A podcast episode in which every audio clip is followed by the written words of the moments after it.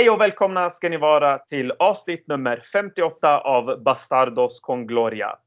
Vi har ju ett landslagsuppehåll som äntligen är över. Tack och lov för det.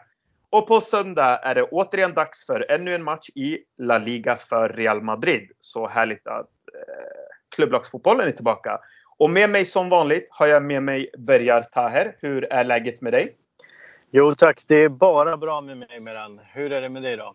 Härligt. Jo, det är bara bra. Eh, lite svettig från gymmet, han inte duscha. Annars kunde det varit bättre. Det är bra. Du har ju hunnit träna, det har inte jag. Så att, eh, se det positivt. Precis. Eh, du brukar ju lira fotboll. Hur går karriären? Eh, det, ja, du, du var inne på landslagsuppehåll och jag kan säga att jag har eh, ett uppehåll just nu. Okay. Det, det hinns, jag hinner inte med så mycket fotboll och, och, och, träning för den delen. Jobbar en hel del. Mm. Eh, och vissa kvällar går åt detta så att eh, ja, det är fullt upp. Mm, men, men så är det. I, I de här tiderna så får ju du istället ägna åt dig det här. Så att, eh, det är perfekt. Och eh, som vi vet är Zidane tillbaka. Och det är en jävla massa rykten. Och eh, det vore ju tjänstefel, Bergar, eh, att inte gå igenom alla potentiella eh, värvningar och ta tag i de här ryktena. Och eh, vi vet ju att mannen, myten, legenden som håller koll på transfervärlden är ingen annan än Patrik Bränning från Aftonbladet. Välkommen hit Patrik! Tack så jättemycket! Eh, läget med dig? Det är bra. Jag har också landslagsuppehåll från min fotbollskarriär, men jag blir aldrig uttagen till landslaget. Så det, är, det är ett problem det där. Ja. Så jag, jag, sitter jävligt still nu för tiden. Ja, jo, jag förstår. Men har du inga kollegor där på uh, Aftonbladet som kan ta ett snack med Janne? Nej, vi, vi får göra det. Jag vet inte hur populära alla mina kollegor är hos Janne just nu, men det är väl en annan. ja, de, eh, oj. Ja, det är ju, ja, jo. Touché. Mm. Eh, på tal om det här landslagsuppehållet då, eh, Patrik. Hur mycket har du sett av det? Eh, jag, jag har ju mest följt Sverige då, eh, slaviskt som man gör. Och det, det är svår, svårt att hitta så många Real Madrid-kopplingar i en match mellan Sverige och Norge på en eh, åker i Oslo. Så att, jag vet inte hur relevant det är för den här podden, men det var en spännande match i alla fall. Lite relevant i och med att vi såg Martin Ödegaard. Ja, det har du rätt i. Det har du väldigt, väldigt rätt i. Han såg väl inte så blixtrande ut. Det var ju nästan så att ni borde vara lite deppiga över att eh, Alexander Isak eh, nobbar Real i sista stund drog till Dortmund istället. Eller? Ja, ja. ja, det är jag Patrik. Och jag har haft långa diskussioner med grabbarna från redaktionen om att jag är väldigt besviken på mm. Ödegard. Men eh, det hittas på eh, orsaker till fel position och det ena och det andra. Men nej, nej. Eh, det är någonting som inte stämmer eh, och han har inte fått den här utvecklingen som han hade hoppats på. Mm. Nej, det kan man ju. Sen får man inte, lite tidigt skriva av honom. Han känns ju absolut, inte Real Madrid aktuell kanske, men eh, ge honom fem år till så ska han nog kunna vara en, en, en duglig fotbollsspelare. Det tvivlar jag fortfarande inte på. Ja, precis. Jag såg ju hans första match där när han mötte Sverige 2015. Mm. Ehm, och eh, där imponerade han på mig mer än vad han gjorde igår, eh, fyra år senare. Så att, eh, mm. ja.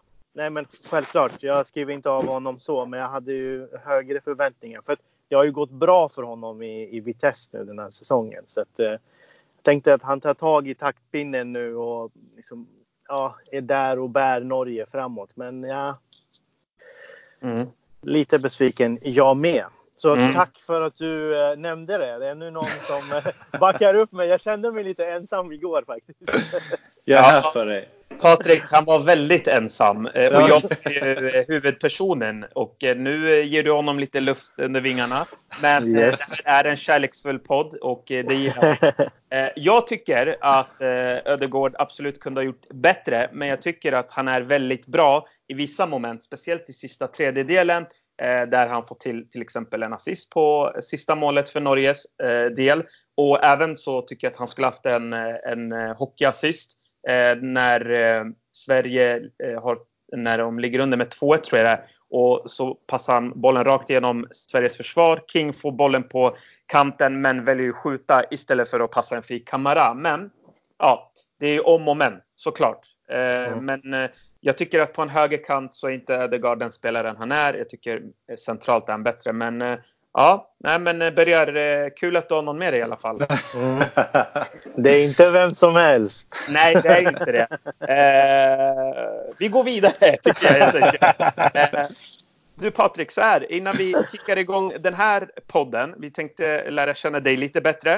Eh, för er som inte känner till Patrik. Eh, och jag kommer ge dig två alternativ och du måste stenhårt välja ett alternativ. Låter det bra? Ja, det låter underbart. Mm. Eh, vad föredrar du helst här då? Eh, ligan eller Champions League? Champions League. 4-4-2 eller 4-3-3? 4-4-2. Dill eller sour cream? Fan. Eh, sour cream. Samsung eller Apple? Ja, där, där är inga kommentarer. Okej. Okay. Eh, Gudfadern eller Star Wars? Eh, jag måste välja en. Ja. Jag ser ju inte på film. Mina, föräldrar, mina föräldrar, mina kompisar är fascinerade av att jag inte ser på film. Men jag väljer eh, Gudfadern då, för att det går inte att se på filmer som utspelar sig i rymden. Det går inte. Ja, härligt. Eh, jag är med dig där. Grymt. Eh, bira eller läsk? Eh, läsk som småbarnsfarsa, tyvärr. Mm, så blir det. Eh, den här är ju hur bra som helst. Sportbladet eller Expressen? Sportbladet väljer jag. uh, Nike eller Adidas? Uh, Adidas bara av nostalgiska skäl. Mm. Fint. Uh, Zlatan eller Henke? Uh, Zlatan. Sommar eller vinter? Sommar. Har någon svarat vinter? Ingen kan ha svarat vinter. Nej, faktiskt inte. Nej, eh, då får han säga Ebba Andersson som gäst. Liksom. men vi vill ju hitta den där unika personen. Ja, du säger att inte du är unik, men... Nej, jag är, jag är eh, precis som alla andra. Jag vet det. Mm. Eh, Bergar, något svar där som eh, förvånar dig eller? Eh, nej, nej. Jag fastnade på att han sa att eh, varken Samsung eller Apple. Eh, Patrik, du får ju faktiskt utveckla det där svaret. Vi har, ju, vi har ju arbetstelefoner och det gör ju att jag inte kan, kan förhålla mig till det här på ett objektivt sätt. Och i min journalistiska roll kan jag ju inte välja då. Ah, okay. jag, ska ni släppa mig iväg med 442? Den trodde jag ni skulle fastna på. Känns ju, ni känns inte som 442-älskare. I och för sig, det, det, kan vi faktiskt diskutera lite. Jag mm. hade det lite i baktankarna. Utveckla det där då. Varför är det 442? Är det också av nostalgiska skäl och liksom den gamla hederliga uppställningen eller vad, vad, vad beror det på? det är ju enbart av nostalgiska skäl. Så är det där också. Du hittar den direkt. Ja. 4-3-3 kräver ju eh, liksom det kräver en, en, en fotbollsromantik som jag inte behärskar. Jag är, ju, jag är för cynisk. Jag ställer upp mm. mitt 4-4-2. Mm. Ja. 4-4-3-3 4-3-3 i offensiven och 4-4-2 i defensiven? Då? Ja, det kan, jag, det kan jag hålla med om. Sen så säger man ju som alla svenska förbund, det här är ju bara en lek med siffror, men det är ju inte det. Men, ja, men jag håller med dig. Sen ska vi lägga ner det här med flytta upp ytterbackar och flytta ner centrala mittfältet och sånt där jox. Jag är lite så Cruyff-inställning. All, alla överallt bara. Ja, ja. Mm. Spännande. Nu har jag nämnt Cruyff i en Real Madrid-podd också. Det känns också bra. Ja, just det. Uh, men eh, tyckte inte Cruyff om att uh, ha den defensiva mittfältaren liksom fallandes ner mellan mittbackarna för att börja fördela bollar därifrån och flytta upp ytterbackarna? Det känns ju lite mer ja, Cruyff väl, Väldigt Cruyffigt. Mm. Ja, ja vi... Ja, vad, vad tänkte du säga Berre? Nej, nej. Jag är klar. Du är klar? Ja, nej men Eh, sköna svar. Eh, jag tycker att vi går rakt på sak. Eh, som bekant då, eh, Zidane har tagit över och eh, såklart är det en hel del rykten. Och eh, jag tänkte så här att vi börjar med att gå igenom eh, från försvaret och ta oss upp till mittfältet och därefter så får vi en fin avslutning på lite offensiva spelare. Men jag tänker innan vi går in på det här med vilka spelare som är aktuella och vad vi, hur vi värderar Eh, vissa av de här ryktena. Patrik, du som har ju gjort det här en hel del med silly season. Eh, förklara lite för oss lyssnare som inte kanske är alltid så pålästa eller kunniga inom det här området. Vad definierar du ett bra rykte och vad är ett dåligt rykte? Har du något speciellt rankningssystem? Jag tycker just spanska rykten är extra, alltså det är så otroligt lätt om du går till Premier League. Då är det så här, men är det BBC, eh, då är det kanon, är det Times, är det okej, okay, är det Sun? Då, då får man akta sig. Italien har ju sin transfigur i Di Marzio, de har sina, sina clowner i Tancredi och sådär. Men Spanien är ju så speciella för att Marca har ju liksom, de är stenkoll på Real Madrid, men de går ju också Real Madrids ärenden, så de kan ju ljuga sina läsare rakt upp i ansiktet om det indirekt gynnar klubben. Eh, samma med de Barcelona-baserade tidningarna. Så, att, så att det är ju så här, om de tar i på att en spelare är på väg till Real Madrid, det kan lika gärna bara betyda att Real Madrid eh, vill skapa lite kalabalik kring den spelaren, att de kanske är sugna på att rycka lite i honom på sikt. Eller så kan det betyda att de har ingångar direkt in till Florentinos personliga telefonbok och vet exakt vad som ska hända. Så det är så otroligt svårt att, att, säga generellt. Jag tycker nästan att man måste, i alla fall när det gäller spanska rykten, värdera nästan rykte för rykte. Det man kan säga däremot är att eftersom vi befinner oss i mars månad så ska mm. man ta, ta alla rykten med en stor nypa salt så länge de inte gäller Bayern München som är den enda klubb som handlar i mars i stort sett. Mm, mm. Eh, jag tänkte på, eh, nu, nu är det ju väldigt eh, mycket kring eh, Real Madrid och, och eh, Zidane. Eh, förväntar du dig det här? Visst såg du det här komma? Att det skulle komma en hel del rykten? Ja, det gör det ju alltid vid tränarbyten. Och sen tycker jag det, det är extra, alltså det finns jättestor anledning att tro på ryktena nu. För att det vi hörde ju när Zidane klev av eh, var att han var besviken över att han inte fick ersätta Cristiano Ronaldo, att det inte värvades tillräckligt mycket. Vi såg Florentino Perez ställa om till någon slags ungdomsfilosofi där han visserligen spelade jättestora summor fortfarande, men det var ju liksom på Vinicius Junior och Rodrigo och, och framtidsspelare samtidigt som spansk media skrev ganska flitigt om att Real Madrid skulle hålla hårt i plånboken nu eftersom de de ska renovera sin arena och sådär. De har tappat intäkterna från namnrättigheten. Det handlar jättemycket nu om att, att säkra eh, finansiering till den. Och sen helt plötsligt så är Zidane tillbaks för att det är kris med Real Madrid mått mätt. Och det går ju bara att tolka på ett sätt. Det är ju att han, han har fått löften om att han ska få värva de där spelarna som han inte fick värva förra sommaren. Jag kan liksom inte se det på något annat sätt. Eller vad, vad känner ni kring alla de uppgifterna? Ja, Bered, du får gärna svara på den frågan. Nej, men eh, jag känner likadant eh, i och med att Zizou är tillbaka och säsongen har gått som det har gått. Ja. Eh, och sen har ju ett par rykten varit eh, ute och liksom eh, legat i luften och bland annat Eder Militao var en av dem som har varit liksom aktuellt och helt plötsligt blir han officiellt och då, då, då resterande som kommer efter börjar man ju tro lite mer på. Men jag håller med där också. Jag är väldigt skeptisk till Marca de vill ju gärna gå in och styra lite i Real Madrid hur klubben ska tänka och hur klubben bör liksom, och vilka spelare de bör värva och så vidare. Så det kan ju komma upp eh, spelare här och där som Marca själv tror skulle passa eh, eh liksom systemet i Real Madrid. Så det behöver inte alltid vara så att, eh, det, det, att de har tillgång till eh, Peres högra hand eller någon i klubben. Men eh, samtidigt så känner jag ändå Eh, precis som du var inne på att nu är Zidane tillbaka och det måste ske förändringar. Sen vilka för typ av förändringar det sker, det blir ju väldigt intressant att se och redan nu går det inte riktigt att avgöra eh, även om det är liksom det är Pogba, det är Hazard, det är Mbappé, det är Neymar. Vi vet ju. Och i och med att Real också på senare år har haft den här strukturen och policyn att gå efter spelare som är yngre, Eh, som inte riktigt har kommit ut i de stora klubbarna eller som inte riktigt har tagit det här steget. Ja. Eh, så, så har jag svårt att tänka mig att Real ändå skulle bryta det här helt plötsligt för en, två spelare på grund av att det har gått som det har gått den här säsongen. Så jag tror att de kommer fortfarande hålla i plånboken och de gör det och de kommer mm. inte vara så desperata ute på marknaden i sommar. För de har ändå Eh, alternativ om jag skulle uttrycka mig så. Om de inte får tag på de här pjäserna som de är ute efter eller som media eh, beskriver. Mm. Nej men eh, absolut. Jag delar ju båda era uppfattningar att eh, vissa rykten ska man ta med en nypa salt. Eh, vi är som sagt i mars månad men som den eh, silly season-pundaren som jag är. Jag älskar ju när det kommer lite rykten kring Real Madrid. Det blir ju någonstans det här med att men, Zidane är tränaren och Real Madrid ska värva nästa stora spelare, vilket jag har länge tyckt att Real Madrid nu ska göra en värvning. Så att eh, eh, ja, vi får se helt enkelt. Men eh, det vore ju tjänstefel som sagt om inte vi diskuterar de här eh, värvningarna.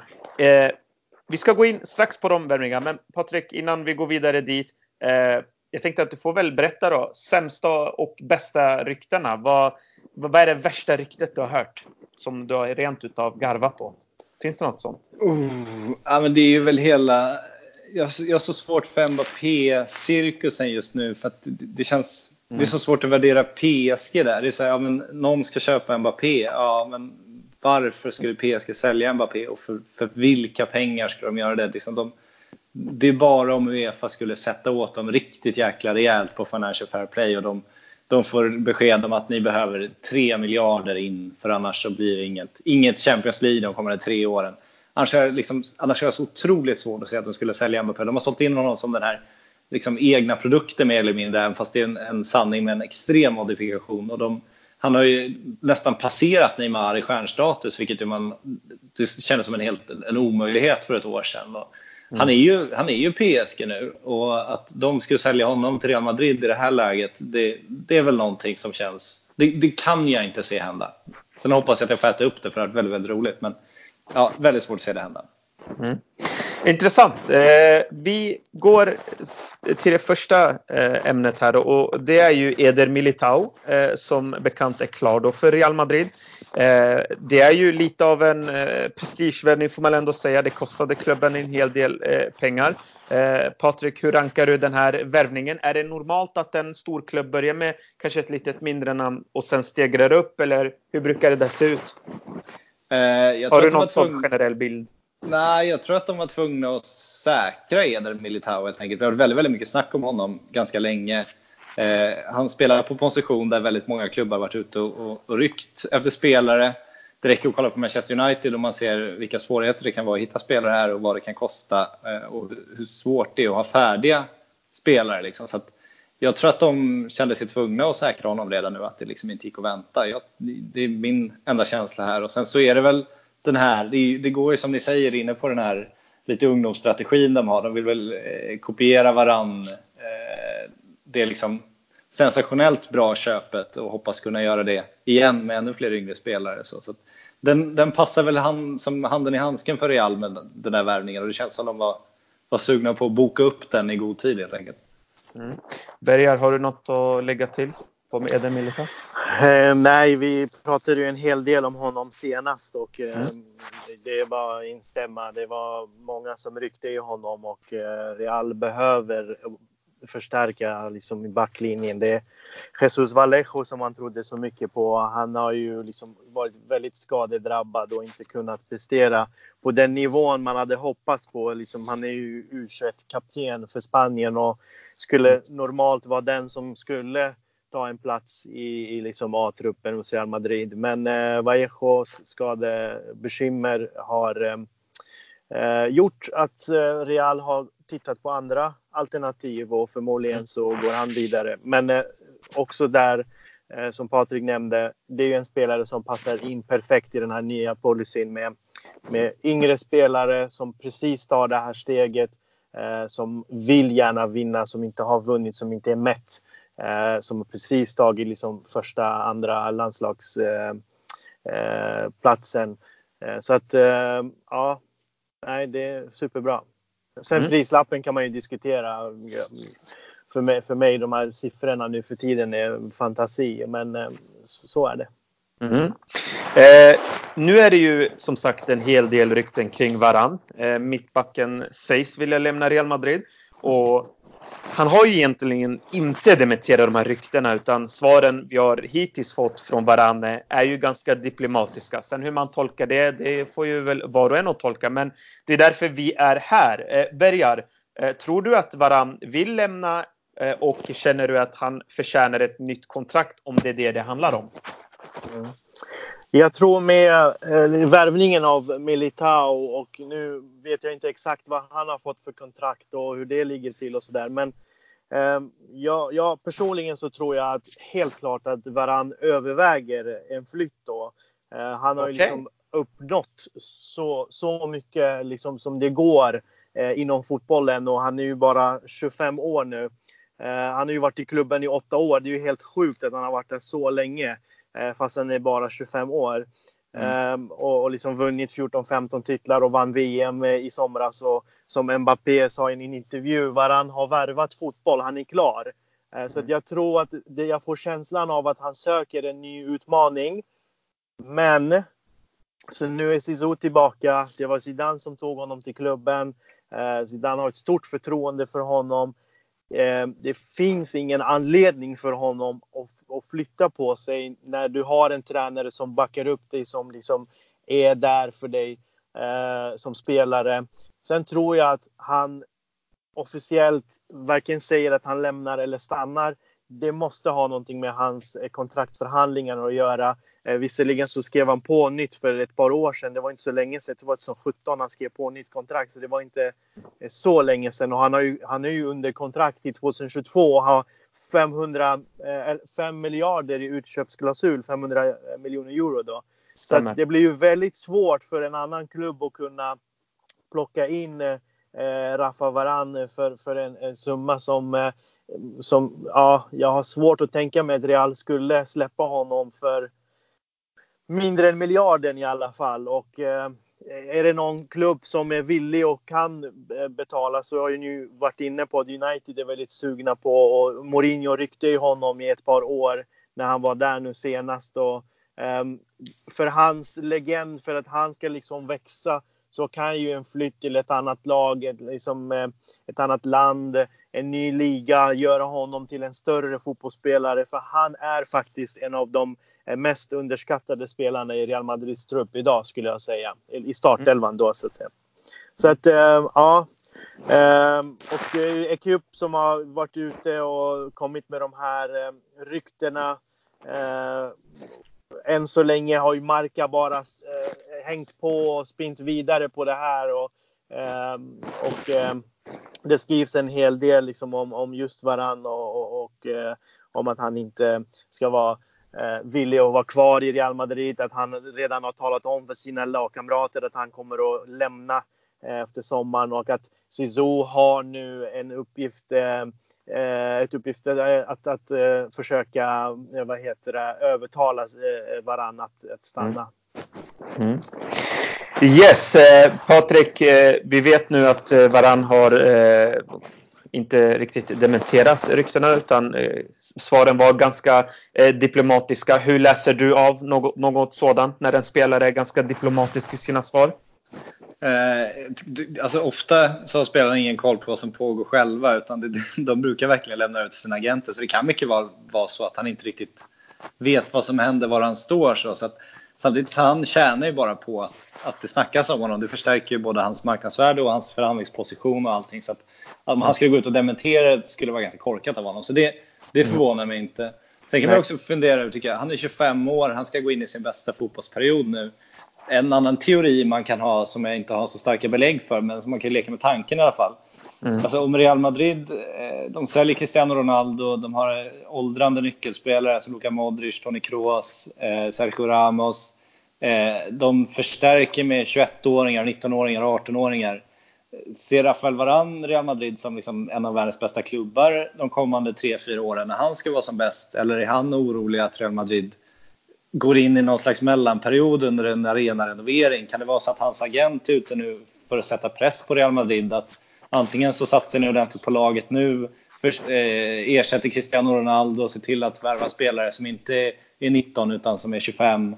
Eh, och så håller ni varann glad, annars så ser han över sina alternativ. Det kan mm. vara en sån situation också kanske. Mm. Och jag menar, det är ju ändå L'Equipe som kommer ut eh, med det här ryktet. Hur trovärdiga tycker du de är? Jag, jag tyckte ändå att de Visst, alla tidningar svingar lite hårt här och där, men det är inte en tidning som är känd för att droppa vad som helst, eller? Nej, L'Equipe håller jag högt. De tycker jag är trovärdiga. Och det man kan också, det klassiska där pusslet då, att det är en fransk spelare, det är en spansk klubb, det är en fransk tidning. Var kommer uppgiften ifrån? Ja, men då kommer det från spelaren och hans, hans team. Framförallt eftersom det är inte PSG ryktas mest intensivt om, utan det är Manchester United. Har L'Equipe ingångar med Manchester United? Nej. Har de ingångar i Real Madrid? Nej. Har de ingångar hos Varann? Eh, definitivt. Så mm. det är Varann som sprider de här uppgifterna, eller Varanns agent. Och, och vad tjänar Varann på att sprida officiellt att Manchester United är ute efter Rafael Varane. Tjänar han något vid en eventuell övergång till United? Nej, egentligen inte. Då är det nästan bättre att hålla käften och, och se till liksom att och förhandla igenom det där. Tjänar han någonting om han ska gå tillbaka och förhandla med Real Madrid? Ja, det gör han ju eftersom han visar att det finns intressenter. Så att, varför läcker man det? Ja, då tolkar det, då kanske det tyder mer på att han, det är Real Madrid han ska förhandla med än att det är Manchester United han ska förhandla med. Mm. Ja, nej, jag, jag tycker verkligen om Rafael Varan och jag hoppas att han stannar eh, för att han har de här eh, kommande ja, 5-10 åren. Men ändå, och det är som du säger, han kommer in i sin bästa period och det vore faktiskt tråkigt om han skulle lämna. Han har varit lite svajig eh, i, i sina prestationer men är ju fortfarande en världsklass mittback och det är kanske som du säger, han vill kanske få någon försäkran om att eh, det ska, ja, nu kommer mina bästa år och jag vill att det ska se bra runt omkring mig. Det vet man ju inte heller. Mm. Intressant. Eh, vi går vidare eh, på mittbackslinjen. Eh, Milan Skriniars agent eh, eh, har varit väldigt öppen med media och berättar då för media då att både Real och Barca är ute efter Skriniar. Eh, och Patrik, vi vet ju när agenter går ut och bekräftar ett intresse, då är det ju sant. Eh, Precis. Eh, eller kan det vara bara så att, eh, skämt åsido, är det så att det här är en klient, eh, Inter kommer inte släppa Skriniar eh, möjligtvis och då ska lönen såklart eh, pushas upp. Vad, vad, tror du? Hur sugna är Inter på att släppa, släppa Skriniar, Patrik? Nej, de, de är nog inte så sugna. Jag tror däremot att Skriniar säkert är ganska sugen på att lämna Inter. I alla fall hans agent är nog sugen på att han ska lämna Inter och få en stor affär. Det är väl praktiskt att droppa Real Madrid och Barcelona då och hoppas att någon, någon annan klubb i Premier League kanske eller liknande eh, blir den som går in och köper honom. Alltså, Real Madrid, behåller ni varandra, får ni in Militao, då kommer ni inte värva Skriniar också. Eh, så att det är svårt att se det. Jag vet inte, Barcelona, det är rykten om att de ska släppa om till tid då eventuellt, att de skulle, om de då ska gå in efter Skriniar. Mm. Eh, men ja, eh, ja jag, jag tar inte mycket för de där Skriniar-ryktena ännu. Nej. Men eh, så här, när agenter kommer ut generellt, vad, finns det någon, vad är baktanken oftast känner du när du läser agenters eh, uttalanden om sina spelare?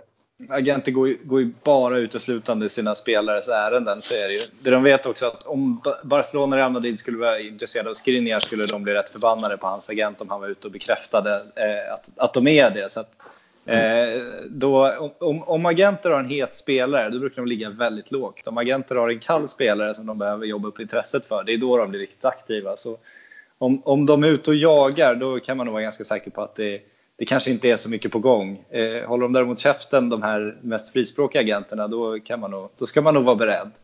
Mm, precis. Eh, eh ja, det är ingen Mino Raiola, va? nej, nej. Han ligger ju lågt ibland också. Ja, jo. Eh, han gör ju det. Vi ska ju gå in på honom också. Men Berger tänkte innan vi går vidare, någonting om Skriniar där? Som du fastnar för? Eh, nej, alltså han har ju han har imponerat i Inter och han, mm. han har gjort det riktigt bra och fångat liksom eh, han har haft mycket ögon på sig nu i år, speciellt när de spelar Champions League och de mötte Barca i två matcher och han var duktig och liksom gjorde bra ifrån sig, gjort det bra i ligan nu senast mot eh, Milan i derbyt var han liksom riktigt bra och eh, självklart är agenten ute och marknadsför honom. Man brukar ju säga sikta mot stjärnorna och du når trädtopparna. Så det är klart man väljer Real Madrid och Barca. Så att eh, förhoppningsvis så hoppas han ju på att han kanske hamnar i United och får en jättelön och liksom eh, eh, ja, en större utveckling så att säga. Så att eh, Eh, men jag tror att han är en väldigt eh, het eh, potatis ute på marknaden i sommar och många kommer att dra i honom. Och Eh, nu har ju agenten varit ute och nämnt Real och Barca eh, för att visa andra klubbar att hej, nu har jag min, min spelare, Real och Barca är intresserade. Eh, då, vad gör ni andra? Ni måste agera liksom. Så att, jag ser det bara som marknadsföring och jag tror inte heller att Real skulle vara intresserad om inte nu varann lämnar. Eh, för då behöver de eh, få in en spelare så snabbt som möjligt i backlinjen. Då. Mm. Eh, vi, går, vi, vi, går snart vidare från eh, försvarsspelarna in till mittfältet och de offensiva spelarna. Patrik eh, Lucas Hernandez är ju klar för Bayern München då. Eh, Bayern München slår ett klubbrekord på 80 miljoner euro. Eh, tror du att det rekordet kan slås i, eller tror du att det kommer någon väldigt ovanlig summa för en back i år? Vad tror du? Vad är känslan? Att, att någon ska värva en dyrare eh, försvarare? Ja, tror du det kan bli 1,5 miljarder? Om Varann nu lämnar? Va, ja, om om ja. Varann lämnar ska han kosta 1,5 miljarder, men jag är så svårt att se. Det senaste från United som har varit hetast på Varann, det är ju mer eller mindre bekräftat att de försökt få honom de senaste åren. Mm. Det är ju att de eh, har lugnat ner sin mittbacksjakt nu och det tror jag inte bara de gör för att Victor Nilsson Lindelöf helt plötsligt har, har presterat och spelat in sig ordentligt i Premier League, utan det tror jag också att de gör. För att det är en väldigt svår marknad för mittbackar. Det, det, vi ser ju på Militaus eh, liksom, övergångssumma. Eh, jag tycker Lucas Hernandez blir ganska billig om man jämför med den, men det är klart det är jättemycket pengar för en mittback. Och eh, mm. Varann ska flytta. Det, ja, jag, jag tror ingen kommer flytta på Varann och därmed tror jag inte att det kommer bli en dyrare mittback om inte en Premier League-klubb får eh, totalt desperation och eh, gå loss på Harry Maguire och är helt tokiga. Man vet, man vet ju aldrig med engelsmännen. Nej, Nej. precis. Mm. Intressant. Men, men, men, det vore ändå bara United. Alltså jag tänker andra Premier League-klubbar. City är liksom klara med sitt försvar. Jag tror inte de kommer att varva fler försvarare även i år. Eh, Liverpool ser ju ändå rätt så tajta ut där också. Visserligen kanske van Dijk behöver en, en ny partner, men jag tror inte de går ut och pungar ut så pass mycket heller för någon. Eh, sen är Chelsea, värvningsförbudet, eh, Arsenal tror jag inte gör, så det är ju bara i princip United som, eh, som skulle kunna. Mm. Ja, och eh, tidigare i och med att varann ryktades dit var ju mycket tack vare José Mourinho också som verkligen eh, älskar Rafa Varan. Det var ju han som gav honom liksom, eh, platsen i Real och Precis. trodde på honom. Så nu är han inte kvar. Så att, ja, intressant. Mm, verkligen. Eh, vi får se vad som händer i sommar helt enkelt. Vi går vidare till eh, mittfältet. Eh, och eh, här pratas det ju såklart, vi måste ta upp det, Paul Pogba. Eh, och eh, han uttalar sig i media om att Zidane är en drömcoach för alla och att Real Madrid är en drömklubb för alla fotbollsspelare. Nu ska vi inte dra några stora växlar från det, eh, Bergar, men tror du att det finns en chans att Paul Pogba lämnar United? Och eh, eh vad, vad, ser du någon koppling mellan Zidane och Pogba? Att det kan hända? Ja, det skulle jag kunna göra. Ehm, det har ju varit lite eh, turbulens runt eh, Pogba den här säsongen. Eh, Verkligen. Först och främst under Mourinhos första halva där, där han inte riktigt spelade på den positionen han ville och han var missnöjd och han verkligen inte gick in för uppgiften att leverera på, på det sättet man är van att se honom eller efter sin kapacitet så att säga. Mm. Eh, så att eh, jag tror definitivt att Pogba flörtar med Zizou och Real Madrid på något sätt. Sen om det skulle leda till en affär, det är jag väldigt osäker på. För att eh, vi har ju hört Hazard säga Real är bäst och Zidane är min idol i fyra år nu. Det har inte hänt någonting. Så bara för att man går ut och liksom berömmer Zizou eller Real Madrid på så sätt så betyder det inte att eh, det är klart på något sätt. Men däremot så tror jag att Pogba ändå vill ha ett annat alternativ ifall han märker att eh, satsningen på United inte går som, det, som, som han önskar eller som det bör göra. Eh, och han öppnar upp en dörr ändå och lämnar mm. eh, det öppet för Real och Zidane. Mm. Det, dessutom är ju också en position där Real är, ha, eller har en, nödvändigtvis eh, behov av att förstärka och eh, främst är det ju Luka Modric som kommer upp till det här 34-35 års åldern där Real på senare år har slussat ut Casillas, Pepe och liksom även andra stora eh, nyckelspelare när de väl har kommit upp till den åldern. Raúl, Guti och så vidare. Så att, eh, det kan vara dags för Modric att röra på sig och Pogba är faktiskt en het kandidat för att kunna ta över och, och, och den, just den positionen. Mm. Eh, Patrik eh, Pogba uttalar sig om Real Madrid. Eh, om vi leker lite med tanken. Eh, nästa destination bör väl ändå bli antingen Barca eller Real Madrid. Vad, vad känner du kring Pogbas framtid? Jag, jag trodde att han skulle bara ställa Real Madrid redan när han gick från Juventus. Men då gick han ju tillbaka till Manchester United, vilket förvånade mig ganska mycket.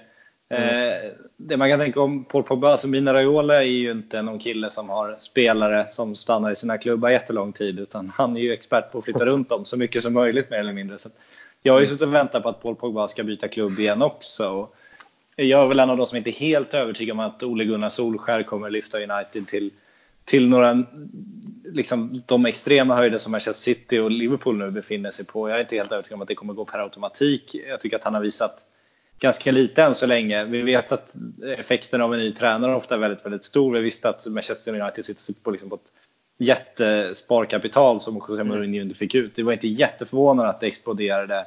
Sen att det gått så otroligt bra, det trodde ju ingen så. Men, men jag, jag, är inte helt övertygad om att det liksom kommer gå per automatik nu och rulla på så här de kommande säsongerna att Manchester United plötsligt blir en av världens bästa klubbar igen. Och om de inte blir det väldigt snabbt så tror jag att Paul Pogba kommer tröttnar väldigt snabbt. Eh, jag tror inte han har det tålamodet.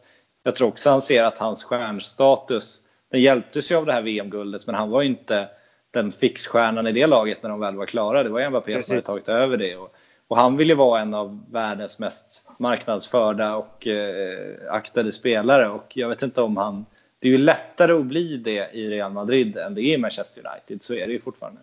Mm.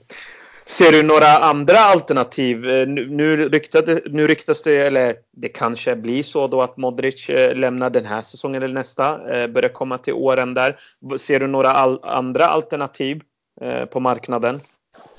Det beror på hur du ska spela. Alltså jag vill ju fortfarande se en Hazard i Real Madrid. Sen är ju inte han, han är ju inte en som ska ersätta Luka Modric på något sätt. Men, om man, men Paul Pogba är ju inte heller den som ska ersätta Luka Modric. Utan jag tycker nästan att Paul Pogba när han är som bäst är ju nästan i en Hazard position. Kanske inte utgå från kanten på något sätt men i den höjden på planen. Och för att vara den playmakern skulle ju Eden Hazard också kunna vara. Han skulle säkert kunna droppa lite lägre också för han är ju inte en poängspelare heller. Det är inte Paul Pogba heller på det sättet. Och de, är, alltså, de är inte de som gör målen.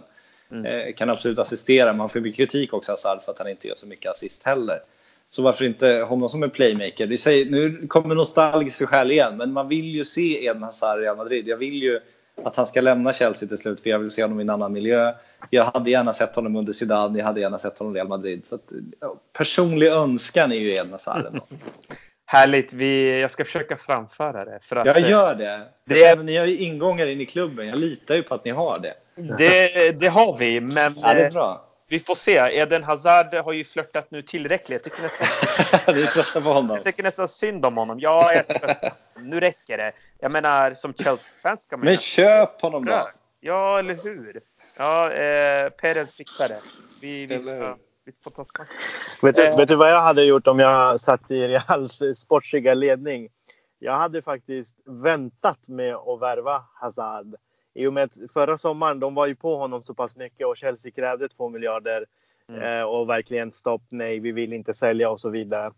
Eh, jag tycker att de ska på något sätt låsa, låsa honom, att liksom lova honom att du kommer att bli vår spelare nästa säsong. Och så går de in och väntar eh, och värvar inte honom i sommar och går in i januari när hans kontrakt har precis gått ut.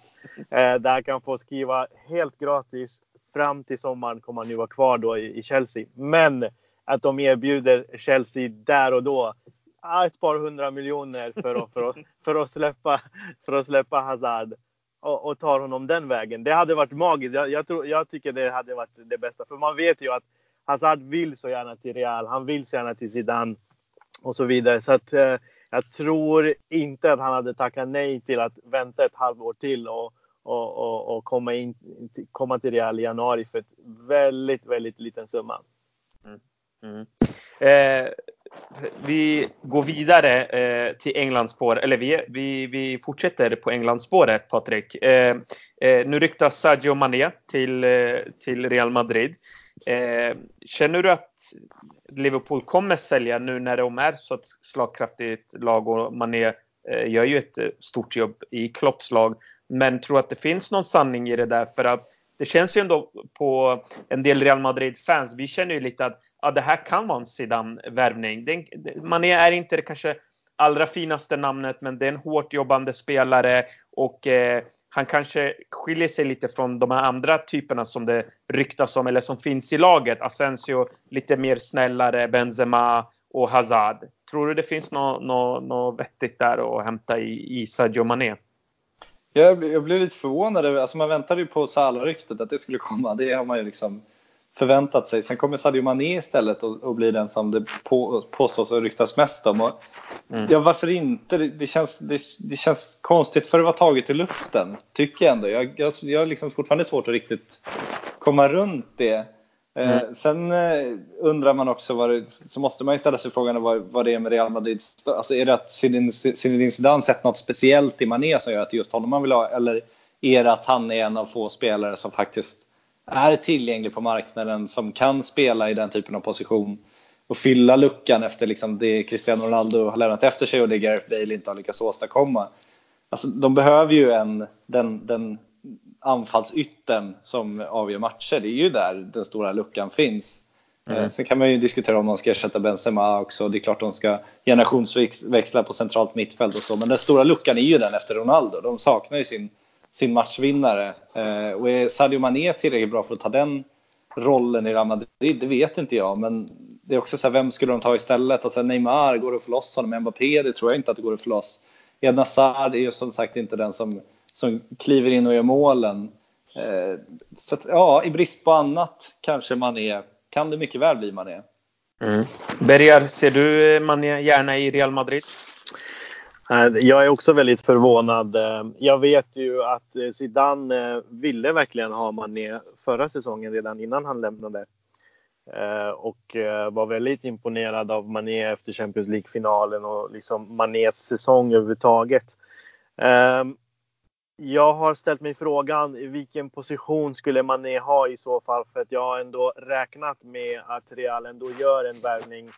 Eh, Hazard eller, eller en, en, annan typ som kommer att spela på den här Ronaldo-positionen som vi pratar om nu. Eh, sen är min fråga var kommer Mané var, ska han spela på höger sida då?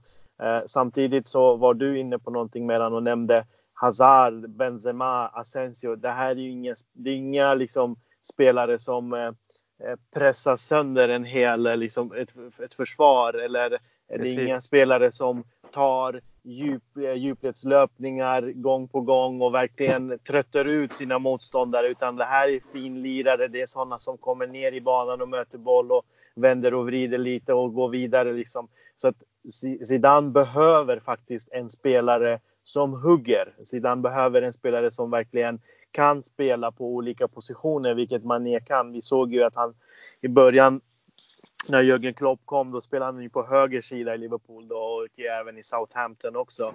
Eh, nu har han ju flyttat honom till vänster och jag vet att han ändå kan spela lite offensiv mittfältare och även som nia också, som en falsk nia. Så att Eh, Sizo älskar ju att ha en spelare där han kan flytta lite höger och vänster som Lucas Vasquez som han hade eh, under sina två och ett halvt år tidigare.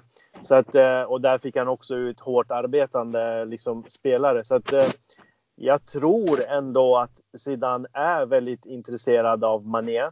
Eh, samtidigt som jag tror också att Mané själv och även Liverpool, hur länge ska Jürgen Klopp vara kvar? Och om de misslyckas även den här säsongen, ska de försöka igen även nästa säsong? Ska det bli liksom så här gång på gång? Och de här spelarna som ändå har växlat upp de här senaste åren i Liverpool då, ska de vara kvar eller ska de vilja liksom gå vidare? Även om Liverpool är stor, en stor klubb och sådär, men ändå inte riktigt där och kan liksom matcha Real, Barca och City och så vidare. Så att jag tror att man är någonstans ändå tänker att ja, är Zidane i Real Madrid intresserad av mig så skulle jag kunna tänka mig att lämna. Mm. Sen blir det också prisfråga. Vi vet ju att Real har ja, enligt media fått 3 miljarder att värva för och nu har ju ehm, eh, Militao kommit för 500 och Rodrigo kommer in och en miljard är redan borta. Så att, eh, hur mycket kommer Mané att kosta att köpa in från eh, från Liverpool och räcker pengarna till för att köpa både Mané och Hazard och eh, förstärka mittfältet och så vidare. Mm. Så det blir väldigt intressant. Men däremot så tror jag faktiskt att det är en spelare som Real Madrid behöver. Som kan skaka om lite eh, där framme.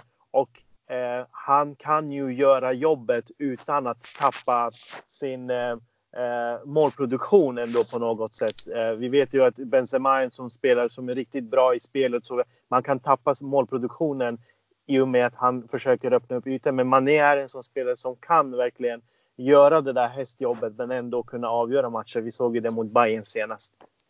Verkligen. Eh, Patrik, vi har ju nu pratat om väldigt många spelare som kanske ansluter till Real Madrid. Men om vi vänder på steken. Eh, det ryktas ju om att kanske Bale eller Modric lämnar. Eh, tror du att det nu eh, är eh, Bales sista säsong den här säsongen? Eh, ja, alltså man har ju sett eh, Florentino Perez, han, det är inte så att han har några problem att göra sig av med spelare han, han anser att han har förbrukat. Alltså Ronaldo, det var ju ett gigantiskt misstag. Det går inte att se på något annat sätt att de sålde honom. Om det inte nu berodde på den här polisutredningen och de här eh, fasansfulla våldtäktsanklagelserna som eh, alla har ett ansvar att sätta sig in i och förhålla sig till tycker jag. Men, men det vet man inte men därför så tänker jag att Luka Modric, han har ju ryktats till Serie A ett antal år nu och det känns ju som han kanske har krattat sin väg bort också, att han vet att den, den dagen kommer. Sen känner man ju lite när han fick Ballon d'Or att då kan de inte sälja honom direkt efteråt för att det vore ju liksom den, den typen av prestigeförlust kan de inte ha så då fick de ju behålla honom ett tag till. Eh, ja, det känns som han är på väg att spela sig bort. Det känns som alla är, är, är införstådda med det.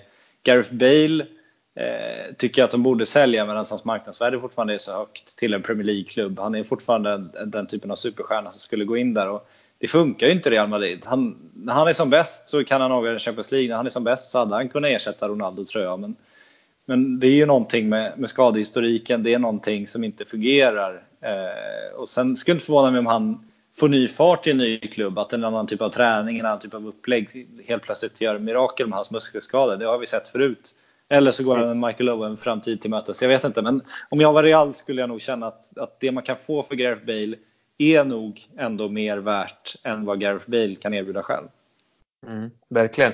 Nej men eh, som sagt, det är ju de två det pratas väldigt mycket om. Det är ju Modric och eh, Bale. Och, eh, jag delar din uppfattning om att eh, det är dags nog för Bale att rulla vidare. Om det inte är så att han kanske dels accepterar en bänkplats, vilket vore ju väldigt otroligt. Eller om han själv är tillräckligt eh, ego eh, trippad nästan, alltså på ett sätt. Att han pallar med trycket och vill vara kvar. För att utöver eh, det fotbollsmässiga så är det ju en enorm press på honom också.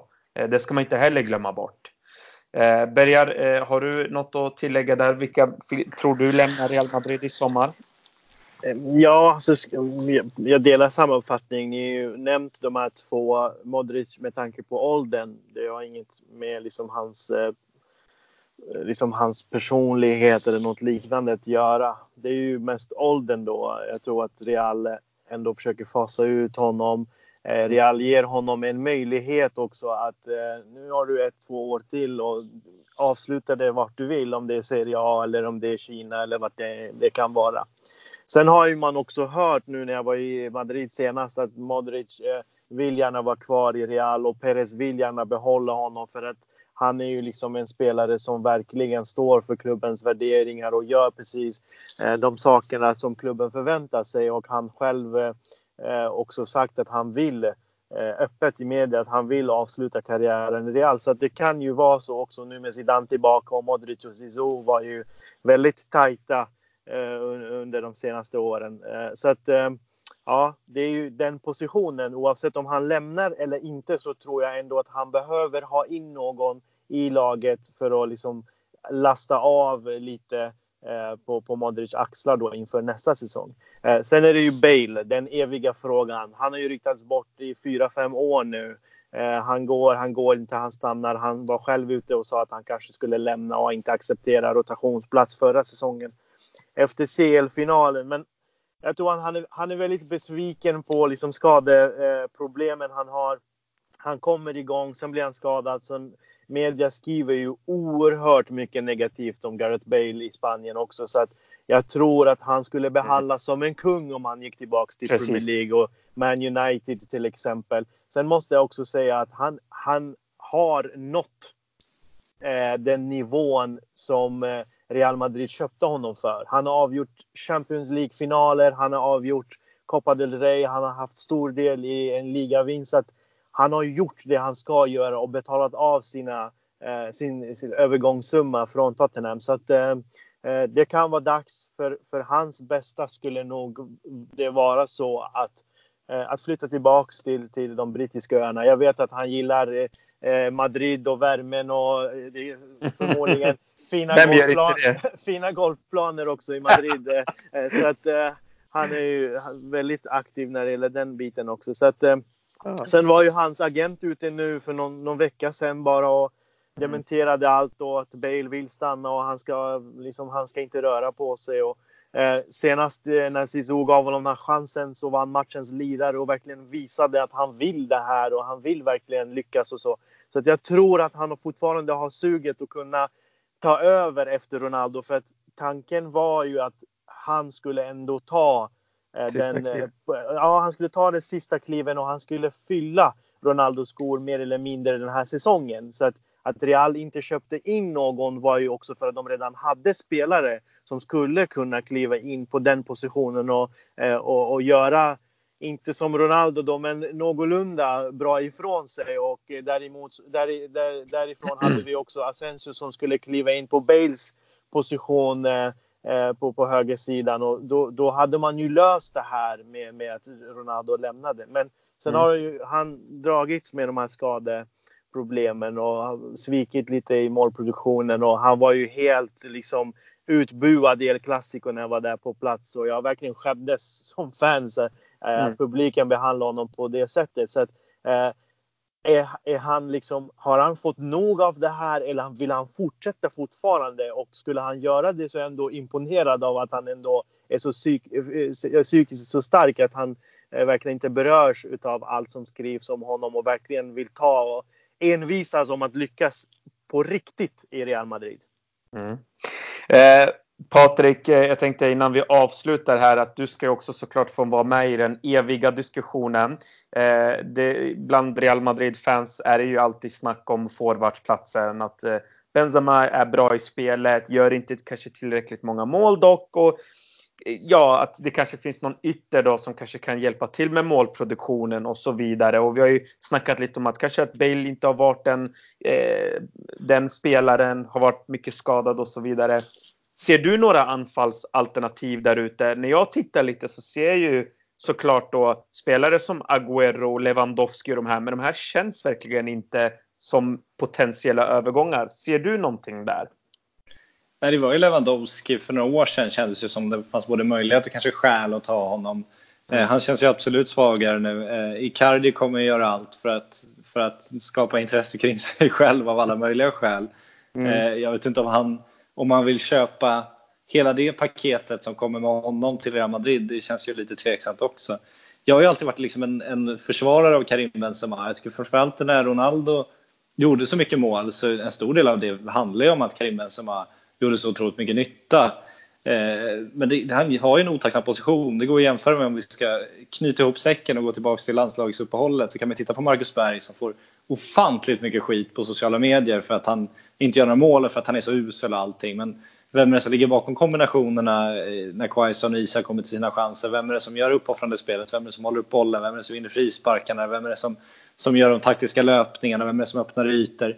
Det är ju allt det där Karim Benzema har gjort under så många år i, i Real Madrid. Han är, det finns en anledning till att han, han, är, han har varit ordinarie, varit självskriven i en startuppställning i, i ett lag som vann Champions League tre år i rad och ändå fått så ofantligt mycket skit. Men det finns en anledning till att han är kvar. Det, det är inte så att de inte haft möjlighet att ersätta honom. Det har funnits gott om spelare som har velat kliva in i den positionen. Jag är säker på att Lewandowski säkert var möjlig att köpa någon gång i alla svängar här. Men de har ju hållit fast vid Benzema och jag tycker de har gjort helt rätt i det fram tills nu. Nu är ju den stora frågan från Real Madrid Eftersom de har sålt den spelare som var det där lilla extra, den där typen av spelare som alla klubbar drömmer om att få den typen av spelare som alla klubbar måste nästan ha för att vinna Champions League.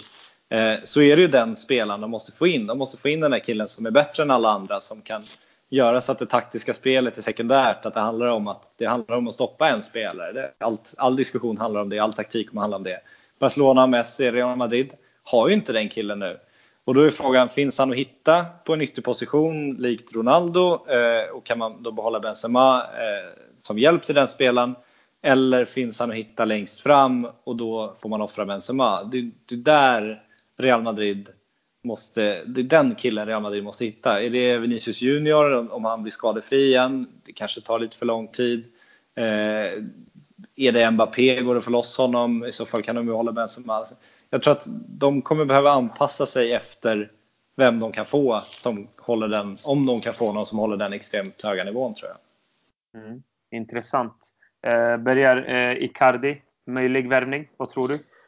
Absolut inte. Jag tror inte på Icardi och jag tror att han är väldigt, väldigt sugen på att dra till Juventus och jag tror att det finns något kontrakt påskrivet redan utan att vi vet om det.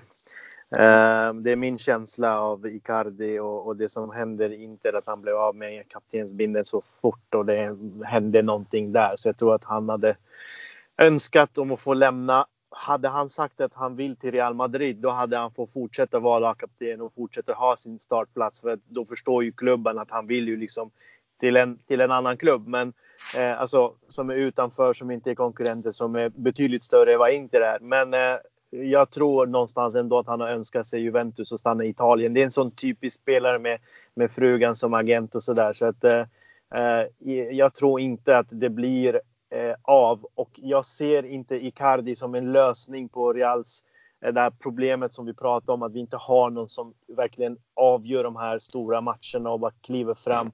Eh, mm. Vår eh, lösning det, det, finns i PSG och de heter Neymar eller Mbappé faktiskt. Om det finns någon som skulle kunna göra det. Mm. Annars så nej. Ja, eh, det är ju intressant att du nämner eh, eh, PSG och Mbappé och Neymar. Eh, men Patrik, jag vill gärna ställa dig lite mot väggen. Vad, vad vad händer nu i, i sommar då? Vilka kommer nu Real Madrid värva? Vi, vi, vi måste ju ha den här stora stjärnan och det är ju väldigt många Real Madrid-fans ledsna när du säger att PSG inte kommer släppa Neymar eller Mbappé. vad ska hända då? Vad, hur ska vi försvaga PSG? Tänkte jag ja, eller hur? uh, ja. Eh, nej, men jag är inte säker på att PSG inte kommer släppa Neymar. Jag vet inte om de kommer göra det i sommar, men jag tror att eh, om Mbappé kommer vara en större stjärna än Neymar så är frågan om, om Neymar är så viktig för PSG. Vi vet, de ska vinna Champions League såklart, men mer än allt annat så är de ju en, en reklampelare, kommersiell kraft. De ska skapa bra reklam. Och om Mbappé kan göra det lika bra som Neymar kan göra det, varför ska de då ha Neymar till den extrema kostnaden? Så jag tror faktiskt att de skulle kunna tänka sig offra Neymar. Eh, jag vet inte om de gör det redan i sommar, men jag tror inte att han kommer avsluta karriären i PSG. Jag tror att han kommer byta klubb, om inte i sommar så sommaren efter det. Och eh, då, om Messi fortfarande spelar i Barcelona så tror jag att han kommer gå till Real. Okej. Okay. Mm. Du, tror du det blir en, en kaval... Tror du att det blir väldigt många som ansluter nu i sommar? Då? Vad, vad säger din känsla? Eller tror du att Zidane är den här tränaren som faktiskt är kalkylerad, inte kommer värva allt för mycket utan kanske max en, två förändringar. Och det behöver inte kanske vara den stora stjärnan utan det kanske är Mané, Hazard. Jo, de är ju stjärnor, men inte kanske på Mbappé och Neymars nivå. Och så kanske någon mittback till då eller, eller mittfältare. Vad tror du? Ja, nej, jag tror in, alltså, om man tittar Real Madrid i den, de hade ju en förtroendekris nu och då behövde de ett stort namn, någon, någon att hänga upp deras framtidssatsning på. Men eftersom de fick Zidane så är ju han det namnet, så de behöver ju liksom inte den spelaren för att vara det namnet. Och därför tror jag som du är inne på att eh, det kommer bli, men Militao har ni, kanske Sadio Mané och Kovacic kommer väl tillbaks, inte om han kommer, kommer bli den som ska ta över efter Modric trots allt. Han har inte varit så övertygande i år. Nej. Eh, så att, ja, jag tror inte heller att man ska förvänta sig för mycket. Men vi vet också att det här är en marknad där du inte kan värva fyra, fem världsklasspelare eftersom en, en framtidsspelare kostar en halv miljard och en färdig världsspelare kostar mellan en och två miljarder. Så jag tror att man ska vara glad om man får in Sadio Mané och så vet vi också att Real Madrid har ju spelare i sin trupp som är bättre än vad de presterade efter att Zidane försvann. Alltså bara slöseriet med Iscos talang. Eh, om Real Madrid och Zidane då kan få igång honom ordentligt igen så, så är det mycket vunnet där också. Så han ser nog att han har en bra trupp, men jag tror också att anledningen till att han är tillbaka tror jag ju fortfarande är att han har fått löften om att han ska få värva, att han ska få ta in en eller ett par spelare. Och jag tror att det kommer bli en eller ett par spelare i sommar och så kommer det bli en eller ett par spelare nästa sommar och så kommer det fortsätta så ett tag nu. Mm, mm. Eh, och, och, kniven mot, mot strupen, kommer Mbappé i sommar? Nej. Nej. Tyvärr, där har vi det. Berga, det blir ingen Mbappé. Nej, jag hade inte förväntat mig heller det. Så att, eh, Nej.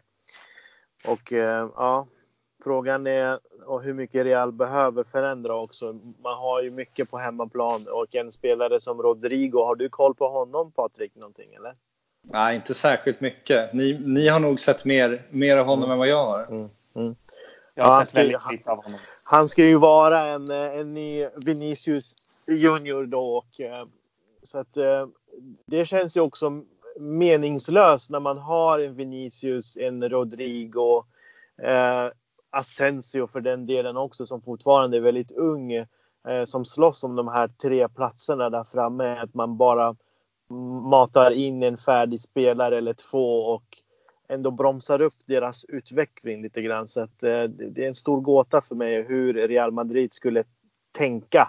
Eh, och därför var jag inne på det innan att jag tror inte att de, eh, eh, de, de jag tror inte att de stryker över den här policyn och allt som de har byggt upp nu i flera år bara för att det har gått dåligt den här säsongen utan jag tror ändå att det kommer inte ske så jättestora förändringar utan lite små saker. Vi vet en Chamez också kan vara jag vet att han och Zidane inte drogs ihop lite sådär bra men eh, nu har ju Bayern köpt Lukas för 80 miljoner eh, euro så att eh, ska de lägga ytterligare 40-50 på James som är liksom hans utköpsoption då som Real och Bayern har kommit överens om.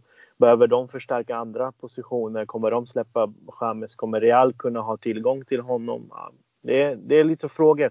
Det är, det är 10 10 till 12 spelare Real har på lån som kommer tillbaka eh, som kan ta en plats i truppen.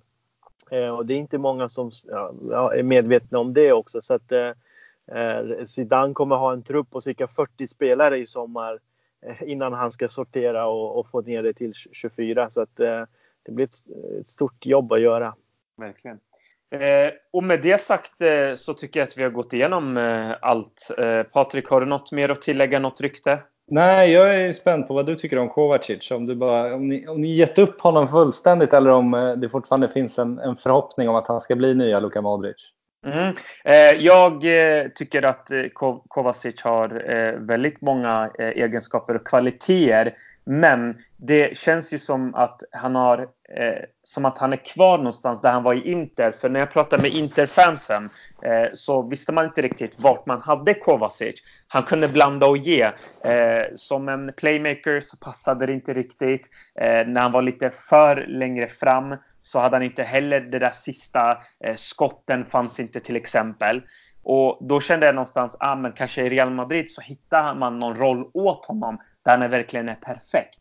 Eh, man gjorde det inte, eh, varken under Zidane eller någon annan tränare. Och sen sticker han då till Chelsea och här får jag då såklart upp mina förhoppningar och tror att nu är han under Sarri, en tränare som förespråkar possession-fotboll.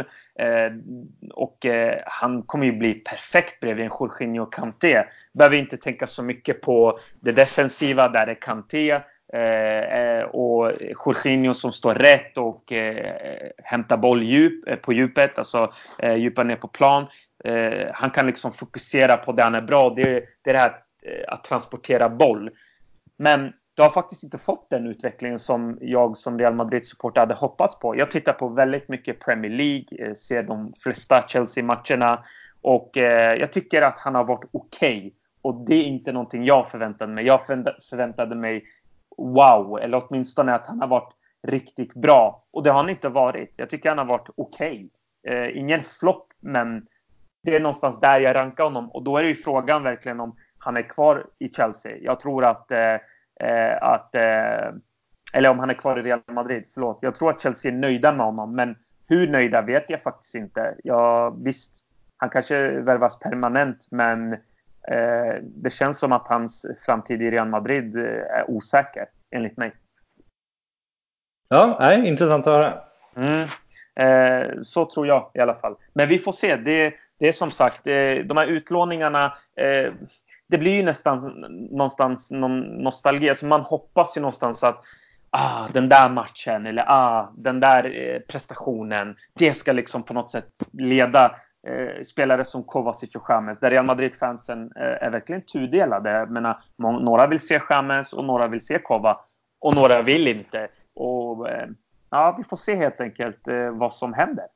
Ja. Eh, också två spelare att hålla koll på. Eh, och eh, Patrik, är det någonting du vill pusha här i den här podden? Vad, när kommer Silly Season-podden eller är den konstant igång?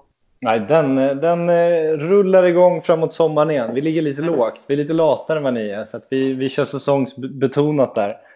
Så, okay. men, den kan vi alltid pusha för och då kommer bloggen också som vanligt. Annars så, så är, jag, är jag nöjd med det här allmänna pushandet av fotbollen. Det, det räcker gott så. Härligt.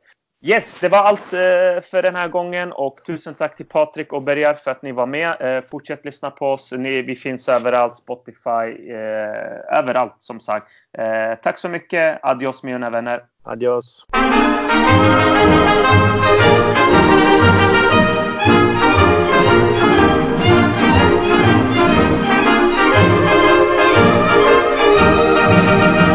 las glorias deportivas campean por España. Va el Madrid con su bandera, limpia y blanca que no empaña.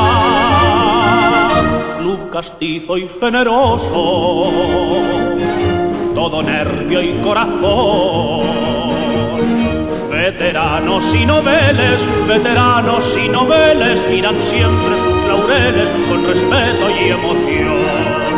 A la Madrid, a la Madrid, noble y bélico Adalid, caballero del honor. A la Madrid, a la Madrid, a triunfar en buena lid, defendiendo tu color. A la Madrid, a la Madrid, a la Madrid. a la Madrid, a la Madrid.